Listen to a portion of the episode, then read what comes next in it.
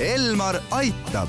Elmar aitab saate toob teieni pereoptika, kogu pere prillipood tere, head kuulajad, eetris on Elmar Aitab ja kui me eilses saates rääkisime sellest, kuidas suvel oma prille hoida, siis äh, täna prillide hoidmise ja hoolduse teemadel jätkame. mina olen Ingela Virkus ja koos minuga on stuudios pereoptika optometrist Laura Tõnov. tere! ning Essilori prilliklaaside tootespetsialist Margo Tinno. tere! No kvaliteetsed prillid on ikkagi väljaminek ja et need võimalikult kaua kestaks, on neid vaja õigesti hoida ja hooldada. millised kipuvad olema need levinumad vead, mida siis prillide puhastamisel või hoidmisel kiputakse tegema? suvel on väga populaarne tegevus ka ujumine. et kindlasti tuleks jälgida seda, et ei minda ujuma polariseeritud prilliläätsedega.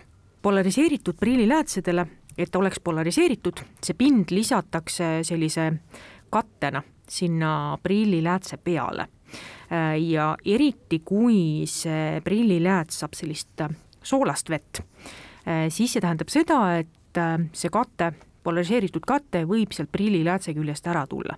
et kindlasti olla ka nii-öelda ujumistingimustes päikeseprillidega väga ettevaatlik Margo mainis eelmises saates, et äh, puhastatakse prille niimoodi, et või noh, oletame, et prilliklaasi peale on sattunud liivatera ja siis ruttu puhastatakse ära, tõmmatakse sellele, sellega kriim klaasile peale, aga äh, ma eeldan, et seda kiputakse ka tihtipeale tegema esimese ettejuhtuva asjaga, et näiteks frotee rätikuga tõmmatakse üle ja, ja nii tehakse hoopis karuteene. Mhm. noh, mida ma, mida ma soovitan, on see, et kui prill on ikkagi käinud äh, kohas, kus ta ei peaks käima, kas liiva sees, kuskil maal, kusagil ütleme mulla peal või kus on ikkagi mingisuguseid abrasiivseid osakesi ja te ei tea, kas tal on või ei ole, te ei näe, eks ole, siis mina soovitan ikkagi leigi ja voolava vee all kõigepealt see prill üle ütleme, lasta see vo-, voolata see vesi üle, eks ole, et need kivikesed või tükikesed ja abrasiivsed osakesed sealt ära kaoksid ja siis kasutada ikkagi prillipuhastuslappi selleks,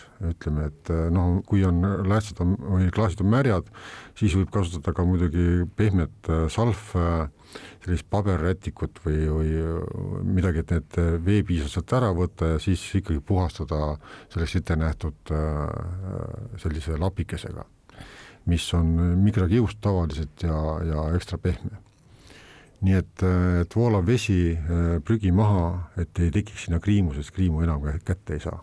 et, et mis ma noh, lisada võin, et et läätsi enam parandada ei anna, et siin on kriim on tekkinud või kui on neid rohkem tekkinud, siis me ei, me ei saa seda pinda enam nagu uuendada, siis peab ostma lihtsalt uue klaasi ühel hetkel kus aga prille hoidma peaks, kui neid parajasti ei kasutata, et äh, kuidas seda kotikest sinna ümber või siis äh, karpi valida, et kas seal on ka mingi selline kriteerium või soovitus?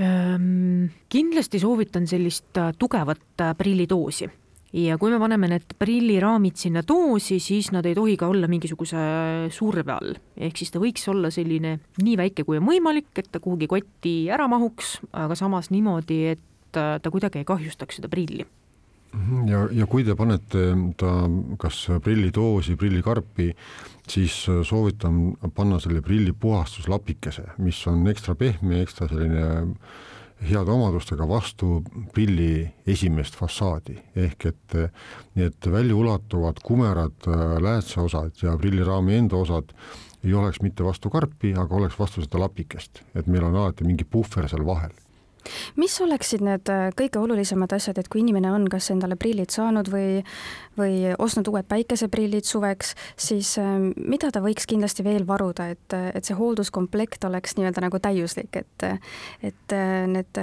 kvaliteetsed ja kallimad prillid oleksid siis hoitud ja kestaks? korralik prillilapp, ka spetsiaalne prilliläätsed puhastusvahend mida oleks hea ka omada, on selline väikeste kruvikeerajate äh, mingisugune komplekt, et vahepeal vaadata siis äh, kruvid üle, et nad kuskilt raamist siis välja ei ole hakanud liikuma.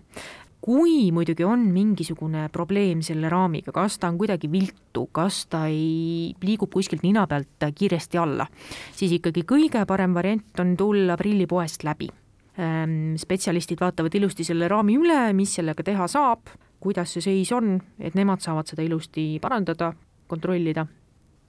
aitäh teile saatesse tulemast, Laura Tõno Pereoptikast ning Margo Tinno Essilorist ja ilusat suve! aitäh! Elmar aitab.